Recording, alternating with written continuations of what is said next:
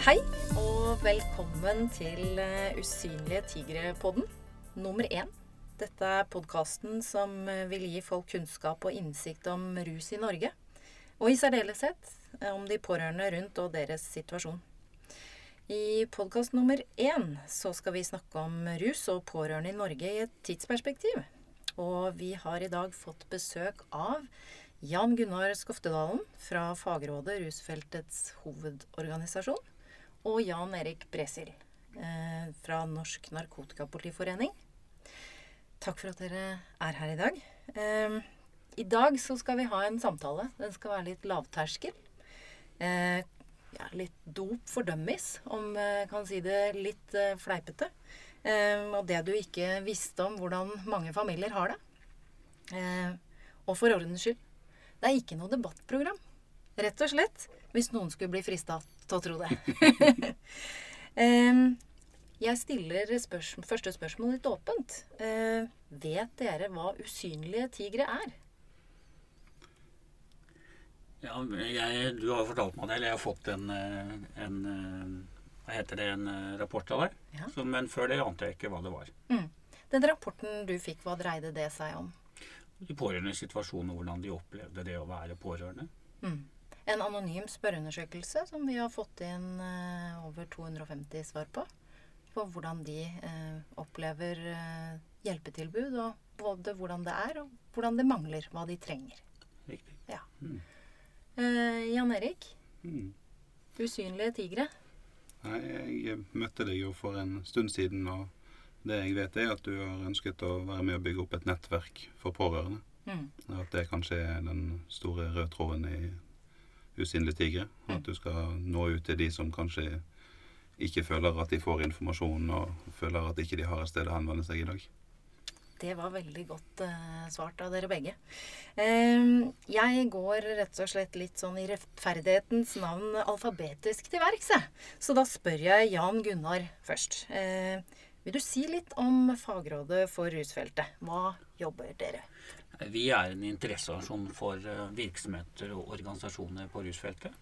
Eh, Vi liker også selvfølgelig å si at vi er landets største, fordi de som er medlemmer hos oss, er jo eh, alle de som driver behandling.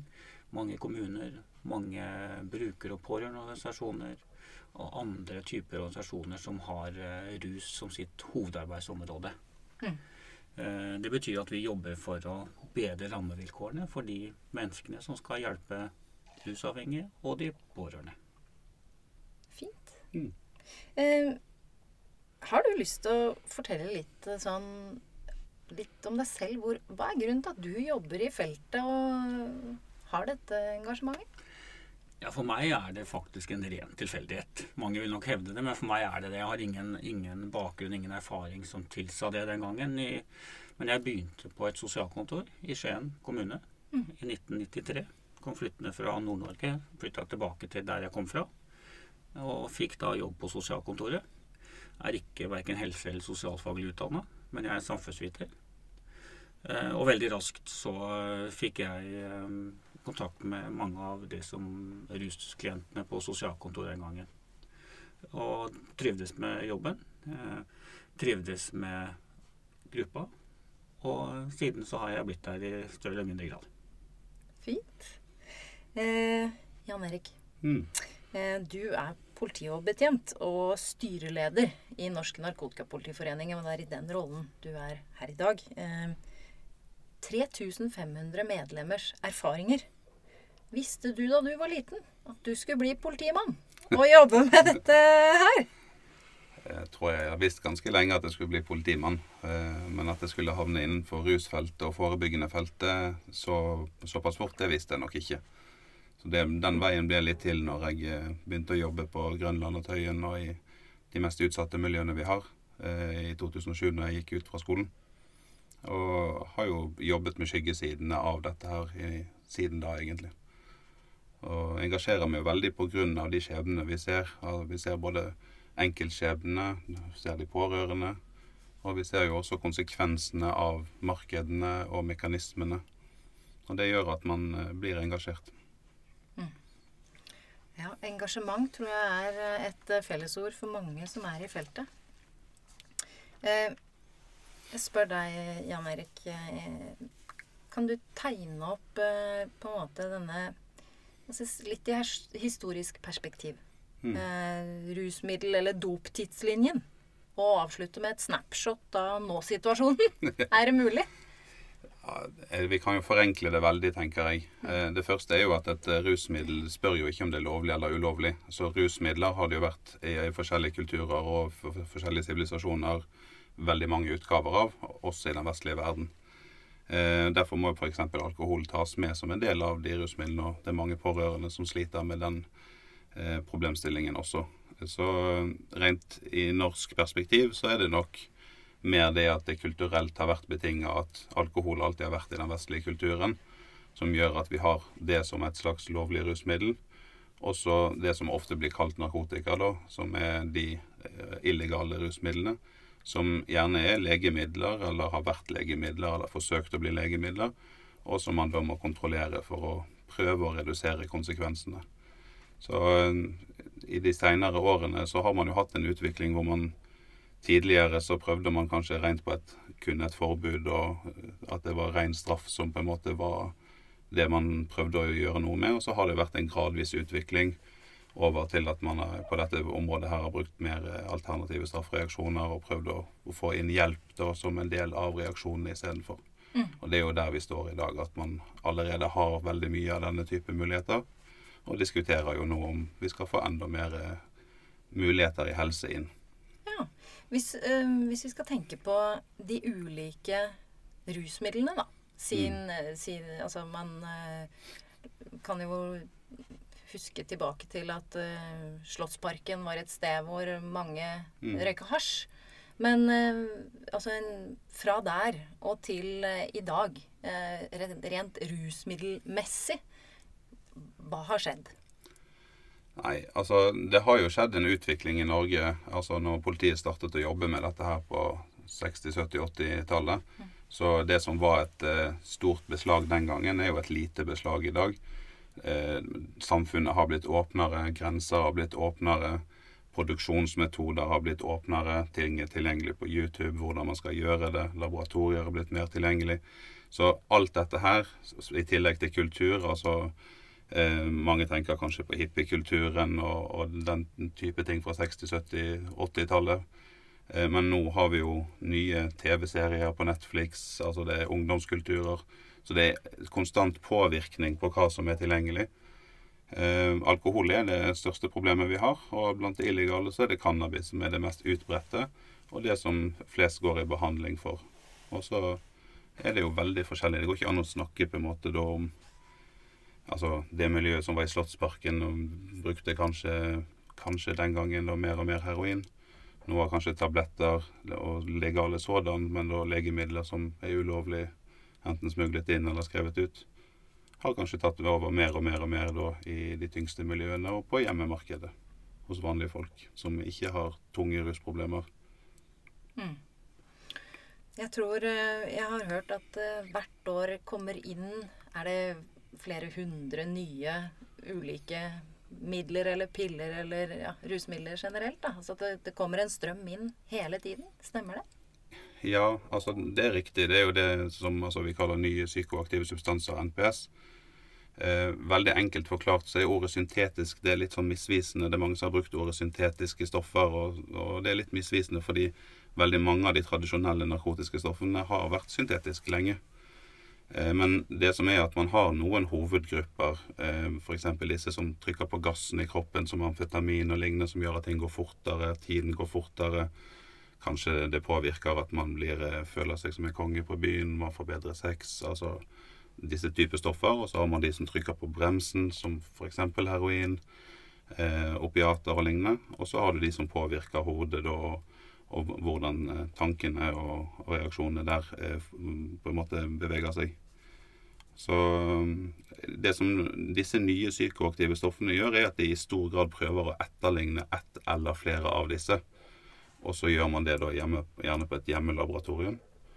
Og vanlig narkotika er på en måte farlig i seg sjøl. Eh, og det, det er mange farer ved det, men her er det enda et fareelement ved at man da kanskje for å forsøke å tilpasse seg lovverk, så endrer man bare på enkeltmolekyler og sånt for å komme utenfor lovverkene.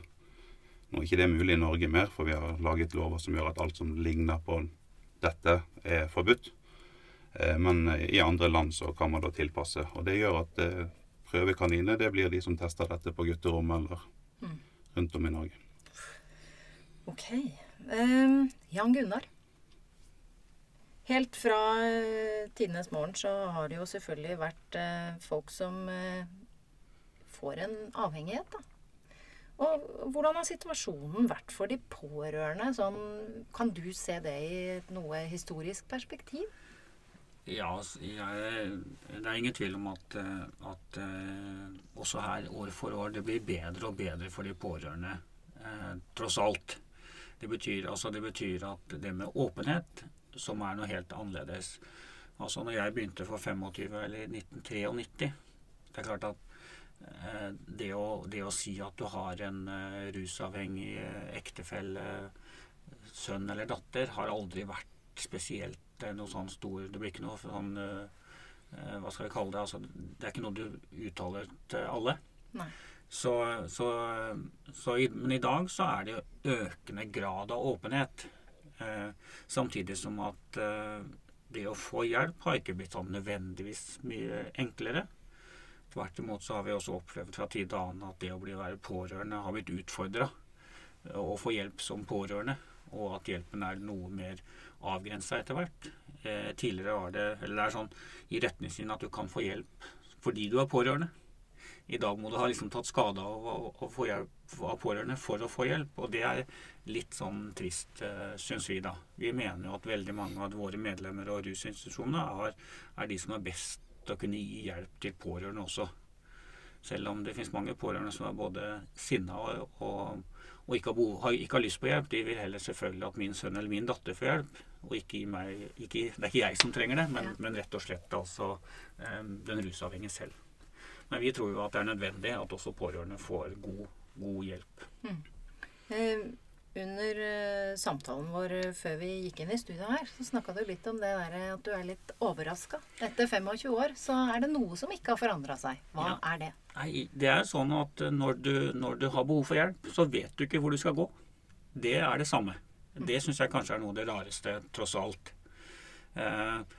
Kanskje, kanskje, kan man også si det heldigvis, at vi ikke skal vite det, men i et, i et samfunn hvor vi er mer åpne, mer hvor alle kan snakke noe mer om det, så ville jeg kanskje trodd at man visste, visste hvor man skulle henvende seg. Men det, de aller fleste strever med det. Ja. Um,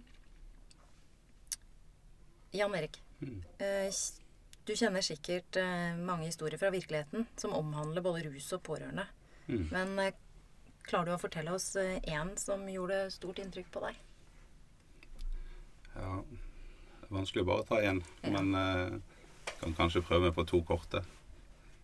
Jeg må si at Noen av de som gjør sterkest inntrykk, det er jo kanskje, spesielt siden jeg jobber mye opp mot barn og unge og de yngste miljøene, så er det jo kanskje de som ikke har noen pårørende. Altså de som ikke har noen som bryr seg. Um, husker spesielt en ung jente som vi fulgte, og som hadde blitt utnytta og blitt solgt, og som hadde blitt utsatt for forferdelige ting siden langt ned i barndommen, og som vi da begynte å møte i rusmiljøet her i Oslo når hun var rett under 18. Og i de årene fram til hun blir 18, så har jo vi gjennom barnevernet og andre så har vi muligheter til å hjelpe hvis vi klarer å avdekke. Og det er jo det på en måte som er politiets rolle oppi dette. Vi skal finne fram og levere videre noen som trenger hjelp. Eller prøve å stanse de faktorene rundt, da. Eh, men det å oppleve den overgangen fra man er 16-17 år, vi har hjemler og muligheter, til å få en tung rusmisbruker som er akkurat fylt 18. Som jeg, jeg husker jeg har båret henne inn på Ullevål og stått og skriket til helsepersonell og sagt at nå må dere få ta imot henne og bli sendt ut igjen på dør. Og ikke ha noe hjemler, ingen muligheter. Da føler vi oss maktesløse òg. Og ofte vi blir vi kanskje nesten vi de nærmeste pårørende i mange av disse setningene. Ellers så syns jeg at det som gjør mest inntrykk når det gjelder rene pårørende, er kanskje de som har gått så langt i fortvilelsen sin som har prøvd alt i hjelpeapparatet, som har prøvd alt via helse og barnevern og alt sammen, og som til slutt kommer til politiet og sier at kan dere få arrestert han og få satt han på celle, fordi at jeg tror det er det eneste som kan redde livet til min sønn nå. Og da har det gått langt. Altså, da har man nådd bunnen. Da er man fortvila. Men det gjør veldig inntrykk. Det forstår jeg. Eh, Jan Gunnar, eh, har du lyst til å si noe om hva du tenker må på plass for pårørende til rusavhengige? Først og fremst så må det, det som jeg sa i stad, at det må være viktig at eh, pårørende har en selvstendig rett til eh, hjelp. Eh, bare fordi at man er pårørende. Det er kanskje det aller viktigste, at den er tydelig. Og, og jeg ville sagt at det er viktig at den gis der det også er kompetanse på rus. Eh, ikke fordi at man skal kunne noe, men, men, det er noe med å skape noen forståelse av hvor, hva som skjer. For det er jo det andre elementet av, av disse pårørende. Det er klart at man, I den fortvilelsen så leter man også etter svar. Og jeg tror kanskje at, at det er lettere at noen av de svarene kan komme der. Eh, til tross for eh, en del ting som vi kanskje har kommet innom, som taushetsplikt og trøbbel med, med kommunikasjon underveis. Men, men, jeg tror at det aller viktigste er at det er en selvstendig rett, og at det må være en lett tilgang på den hjelpen. Mm. Um, I denne episoden her så går vi rett og slett ut ifra Um, dette, dette, setter jeg, da. Vi går ut ifra at dop og rusmidler og drugs, kall det hva du vil, kommer til å være tilgjengelig for både ungdom og voksne. Altså, Det kommer vi ikke til å klare å, å begrense eller styre. eller Det vil alltid være tilgjengelig. Uansett hvor eller hvordan det selges, uh, så kommer folk til å få tak i det. Og gitt denne forutsetningen. Uh, Jan Erik, hva tenker du er den største utfordringen for pårørende, gitt at den rusavhengige alltid kommer til å få tak i dop? Det du beskriver, er jo sant. Og så er det jo en lang diskusjon av hva vi kan gjøre for å, å gjøre det litt bedre. Men jeg tenker at den utfordringen vi fra justisperspektiv og våre medlemmer møter, det er jo den balansegangen mellom å være tøff og sette grenser for kanskje en mor eller en ektemann eller noe, og det å være en hjelper og det å være en omsorgsperson. Hvor mange ganger skal du betale gjelden? Hvor mange ganger skal du Altså, disse spørsmålene får vi hele tiden. Det er vanskelige spørsmål. Det finnes ingen fasitsvar på det. Eh, vi vet nok at man ofte bør være tøffere enn man er, og at det løser veldig lite å f.eks. betale ut gjeld og den type ting. Det kommer nesten alltid da en ny gjeld. Eh, men jeg tror kanskje det er litt av den største balansegangen som man står i. det å å vise varme og inkludering, men samtidig at nei, på julaften er du faktisk ikke ønsket her hvis du er rusa, vi har andre små barn her, men vi ønsker at du skal komme. Altså Den balansegangen tror jeg er veldig vanskelig. Jeg er veldig enig. Uh, Jan Gunnar, uh, har du noen tanker om hvordan pårørende best mulig kan klare å stå i den konstante alarmberedskapen og usikkerheten? Nei, da er jeg helt enig med det Jan Erik sier. Dette er, dette er helt umulig. Dette er altså en, en, umulig setting å tenke seg. Og vi er i tillegg som pårørende, så vil alle pårørende også være ulike. Mm. Og man har ulike styrker og, og, og krefter og, og man kan gjøre. Så jeg, jeg, vet nesten ikke, men jeg tror jeg kan bare si enig i det Jan Erik akkurat sa. Altså dette forholdet mellom å kunne få, holde kontroll på sin, sin, egen livssituasjon. For det vi kan si det, Du blir åpenbart ingen god omsorgsperson eller, eller, pårørende hvis du selv går i bakken. Altså det er jo det eneste som er helt sikkert. Altså det er klart at Hvis du sjøl blir så utslitt, så kraftløs at du ikke kan, ikke kan yte noen form for omsorg, så er du ingen pårørende eller omsorgsperson. Og det er jo ingen tjent med, verken den som går i bakken eller den rusavhengige selv. Mm. Så, så, jeg tror det er helt umulig å gi et, et godt svar på hva, hva, det er. Man må kjenne etter sjøl. Så tror jeg på en måte at det å skape en form for åpenhet, ikke sitte alene med det, det er jo som alle andre problemer, så ville det være noe av det vanskeligste.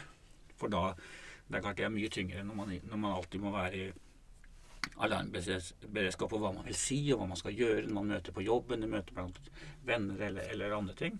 Så, så, det å ha en viss grad av åpenhet uten å måtte fortelle alt, tror jeg er jo en, en av de tingene man kan hjelpe til. Og da fins det jo også nettverk av pårørende. Jeg vet jo veldig mange som kommer i, i slike situasjoner og, og, kjenner at de slipper skuldrene ned når de møter andre pårørende. Du vet hvordan jeg føler det, du vet åssen jeg har det. Og det, det, tror jeg kanskje er noe av nødvendigheten framover. Mm. Og det er jo også derfor eh, jeg tok initiativet til Usynlige tigre. Etter at jeg nettopp uh, har gjort det du indikerer og du forteller, dere begge sier.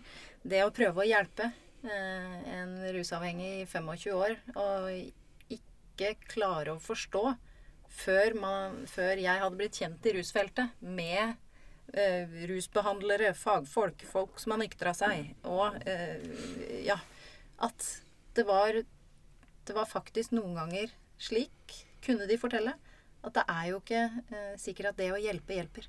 Noen ganger så må man sette grenser og ta vare på seg selv. Ja. Så det tror jeg dere har veldig rett i. Um, jeg lurer på um, Jan Erik, har du noen erfaringer eller tips uh, du vil formidle til pårørende av rusavhengige?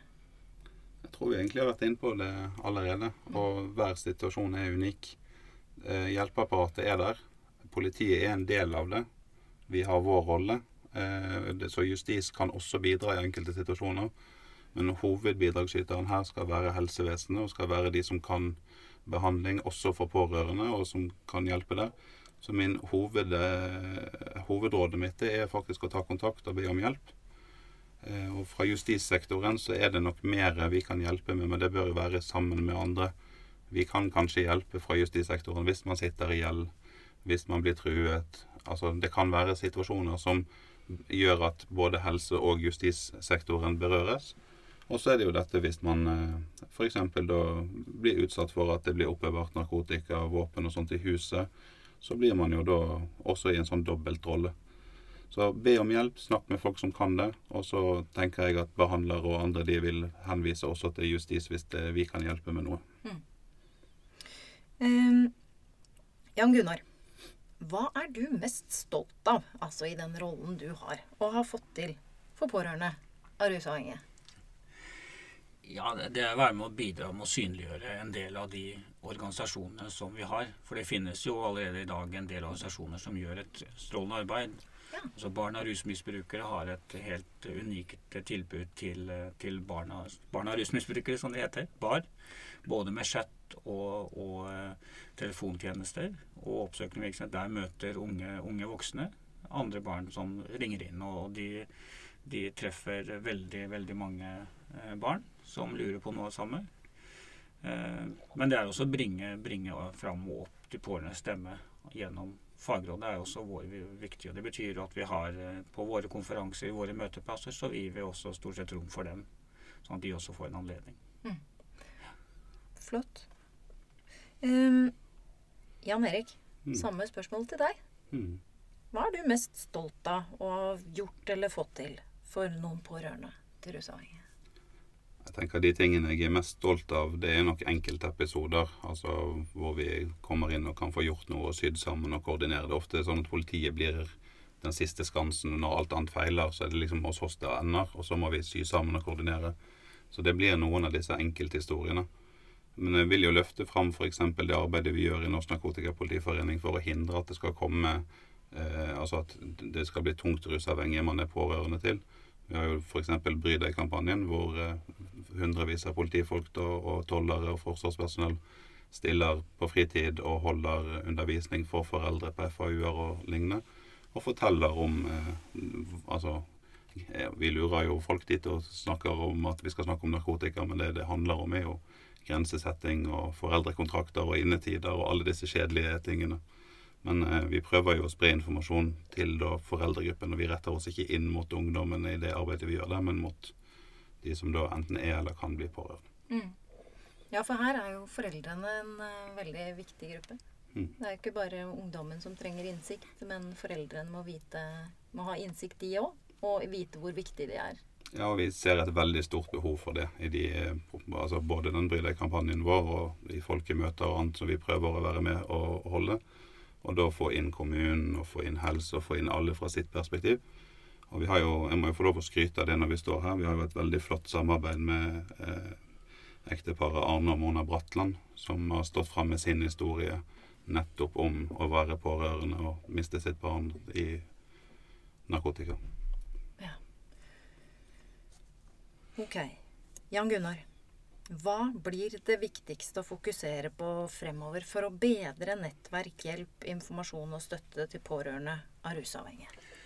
Eh, det er kanskje det jeg sa innledningsvis, at, at fremdeles er det, altså det er behov for hjelp til pårørende som et selvstendig hjelp, eh, rett til hjelp. Der har vi fremdeles noe å gjøre. Og det er fremdeles slik at det er store forskjeller mellom de ulike skal vi kalle det helseregioner. Det, det handler litt om hvor du bor her òg. Noen er det strålende. Andre steder i landet så er det et eh, ganske eh, et, et, et dårligere og kanskje litt mer mangelfullt tilbud. Sånn at, at her, Nå er det jo helseregioner som teller i dette landet for øyeblikket. Og da er det, da er det betydning hvor du bor, rett og slett. altså. Mm. Det er slik at alle, men Jeg har også lyst til å si at alle, alle institusjoner som har fått til behandling, også har noe krav på seg til å gi eh, familiekvelder. Det, det, har vært ja, ulik variant opp gjennom tidene, men, men, alle institusjoner har noen har familiekvelder og åpne kvelder for pårørende til å komme til den institusjonen. Og det er også en økende grad av. Men det kan være mer sånn, som jeg sa i stad, å slippe sine skuldrene litt og, og, og møte noen andre. Eh, jeg har nok lyst til at det blir enda mer systematisk, enda bedre, enda mer over noe tid. Ja, fordi behandlingstilbudet er jo uh, ulikt også. Og, ja, og, og det familiearbeidet uh, oppleves jo som utrolig viktig og givende uh, for de pårørende som faktisk får lov til å komme. Um, og her er det jo ulike elementer i bildet hvorvidt de får lov til å bli med eller ikke. Uh, litt avhengig av hva den rusavhengige selv vil.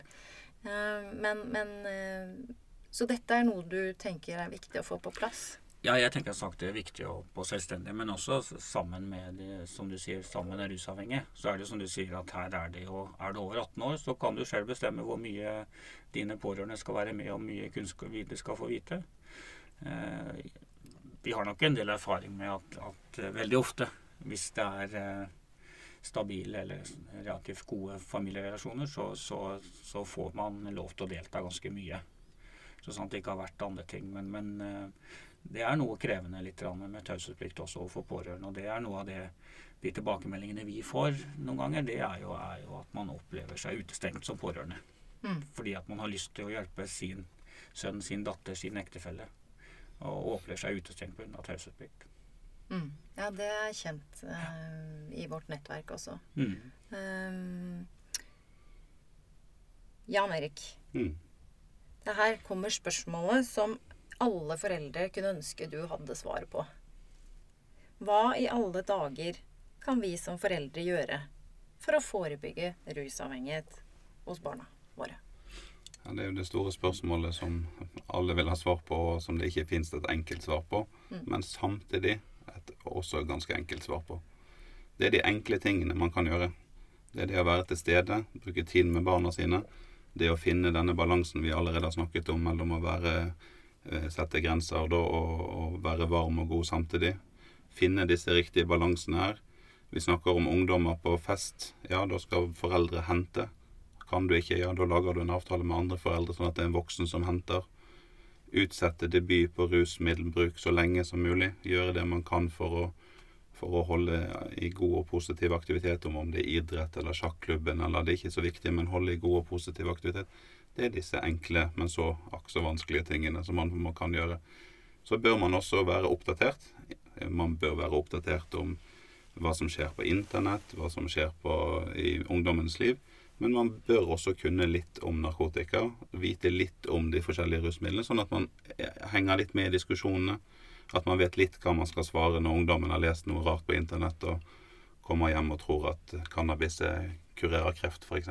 Så skal man kunne svare ut det på en god måte, tenker jeg. Selv om det ikke er foreldres rolle å gjøre den rusundervisningen. Mm. Mm. Ja, jeg har nok lyst til å legge til at jeg er nok der at jeg, jeg tror ikke det er hvem som helst som blir rusavhengig.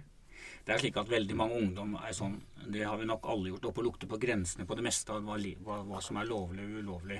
I dag er tilgangen på rusmidler mer enn det det var i min ungdom.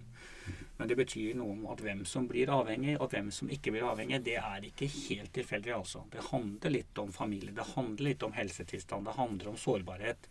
Og de kunnskapene må vi også ha noe om. Eh, jeg sier ofte at det er sånn to, to hovedgrupper til de som blir avhengige. For nå snakker vi om de som blir avhengige, ikke de som nødvendigvis har testa. Det ene er at altså, hvis vi kan, hvis vi kan uh, hindre vold og overgrep mot barn, så har vi jo gjort veldig, veldig mye. Uh, altså folk som har opplevd traumer, rett og slett. Det andre er jo at det er veldig mange som har en indre uro som er helt umulig for folk å se, og hvor rusmidler fungerer.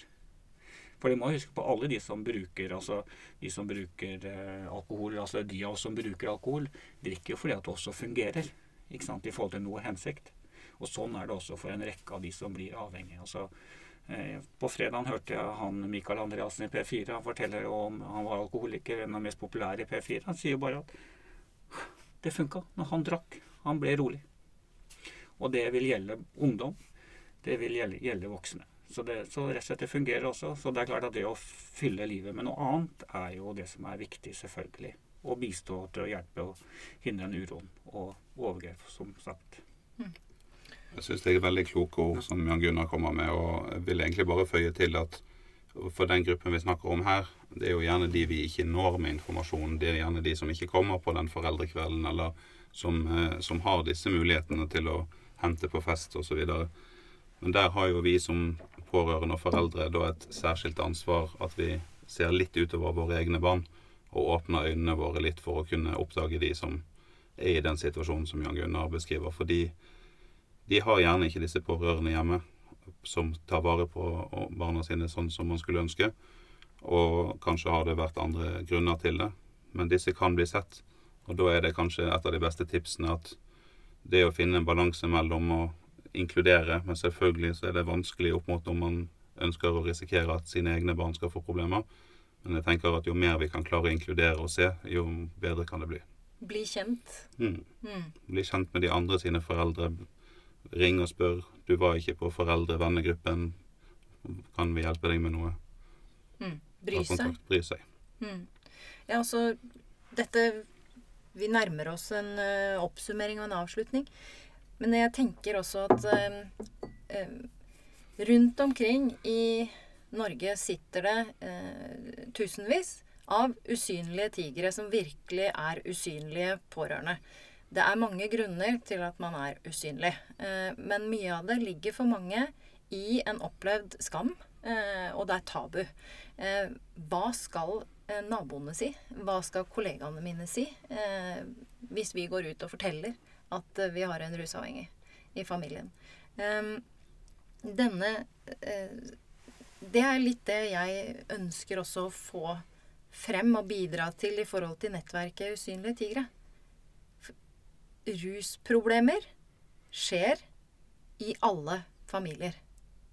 Jeg opplever at det er mange som er fortvila fordi de sitter og leter etter årsak til at det skjedde, og de ser på hva gjorde vi galt.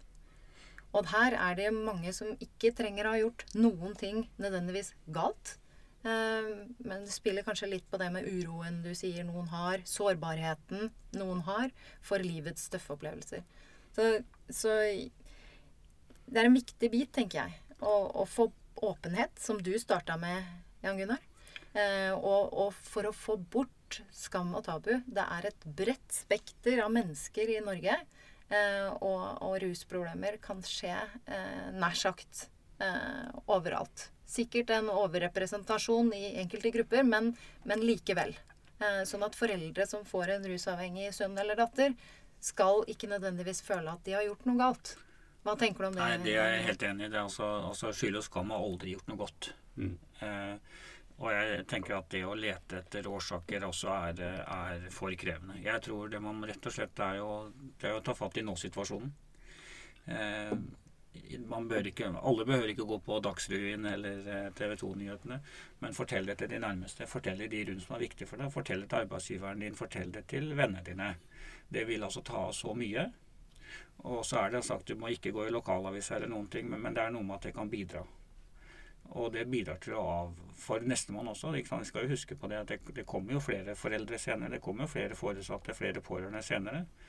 Så, så det å ha et, eh, et mildt uh, åpenhet vil jeg anbefale alle. Men, men, eh, jeg anbefaler du skal være sterk for å gå på nyheter og gå i medier, stormedier, for det kan være krevende nok. Men, men rundt de rundt deg, og anbefale full åpenhet rundt det, eller åpenhet for dem, sånn at de vet hva du strever med. Mm. For folk som aldri har vært borti rusavhengighet, vil aldri forstå det likevel. Men de, men de, vil ha en, en viss forståelse for din situasjon. Mm. Og det er noe med at uansett hvilke vansker og hvordan livet tester oss og prøver oss og gir oss utfordringer underveis fra vi blir født til vi dør, så er det det å håndtere det. Og jeg vel opplever vel det at eh, det å ha noen å snakke med Mm. er ofte noe som hjelper. Eh, kan være det, i hvert fall. Ja, så får det som du sa i stad, altså en diskusjon om det rammer alle eller ikke, men poenget er at du ser at plutselig så er det noen andre som har hatt det sånn nå, som du ikke ante Mm. har hatt et rusproblem i sin familie. Mm. Eh, og det tror jeg jo, og det har vi jo sett både på innenfor rus og psykisk helse, at plutselig oppdager man liksom at kollegaen hadde også en. En kamerat hadde kanskje en, en far som drakk litt mye. Ikke sant? Det er en del sånne ting som, som, man, som man da oppdager når man åpner seg. Vi bare følger på på det, egentlig, at fra vårt perspektiv også, som på en måte jobber i det avdekkende sporet, så Altså, folk hadde blitt sjokkert hvis de hadde visst. Jeg har vært med å avdekke kollegaer, barn til kollegaer. Det er brannfolk, det er sykepleiere, det er leger. Det er alle mulige folk kan få problemer med dette. og Det er ikke nødvendigvis at man har gjort noe galt, men man kan få problemer. Det kan skje ting i livet, man kan ha livssituasjoner. Det kan være en kombinasjon med sykdom og psykiske lidelser. Så jeg tenker at jo flere som er åpen, jo flere vil nok man se at dette her er virkelig ikke noe veldig få egentlig er pårørende til. Det fins veldig mange pårørende der ute. Og med Usynlige tigre og Usynlige tigre-podden så skal vi jommen prøve å belyse og gi kunnskap og innsikt. Er, eh, før jeg avslutter helt, eh, så vil jeg først spørre Er det noe jeg ikke har spurt om, som jeg burde ha spurt om her? Kommer ikke på noe sagt ennå, jeg nå, altså. Nei. Ja, men da skal jeg si at det kommer til å komme flere episoder. Og dere har mye kunnskap. Vi må nok belyse Jeg tenker vi må nok belyse hva gjør man Mm. når, når man opplever som forelder at man finner ut at uh, ungen er rusavhengig. Uh, vi trenger å få vite mer om organisasjonene, de som hjelper pårørende. Uh, her er det mer informasjon som må frem og ut. Eh, episoden her kommer til å legges ut på nettstedet vårt, eh, usynligetigre.no, og på Facebook. Og her er det bare å følge med. Så vil jeg bare si tusen takk til dere begge for at dere tok eh, tiden til å komme hit i dag og ha denne praten. Takk for at vi kom. Takk.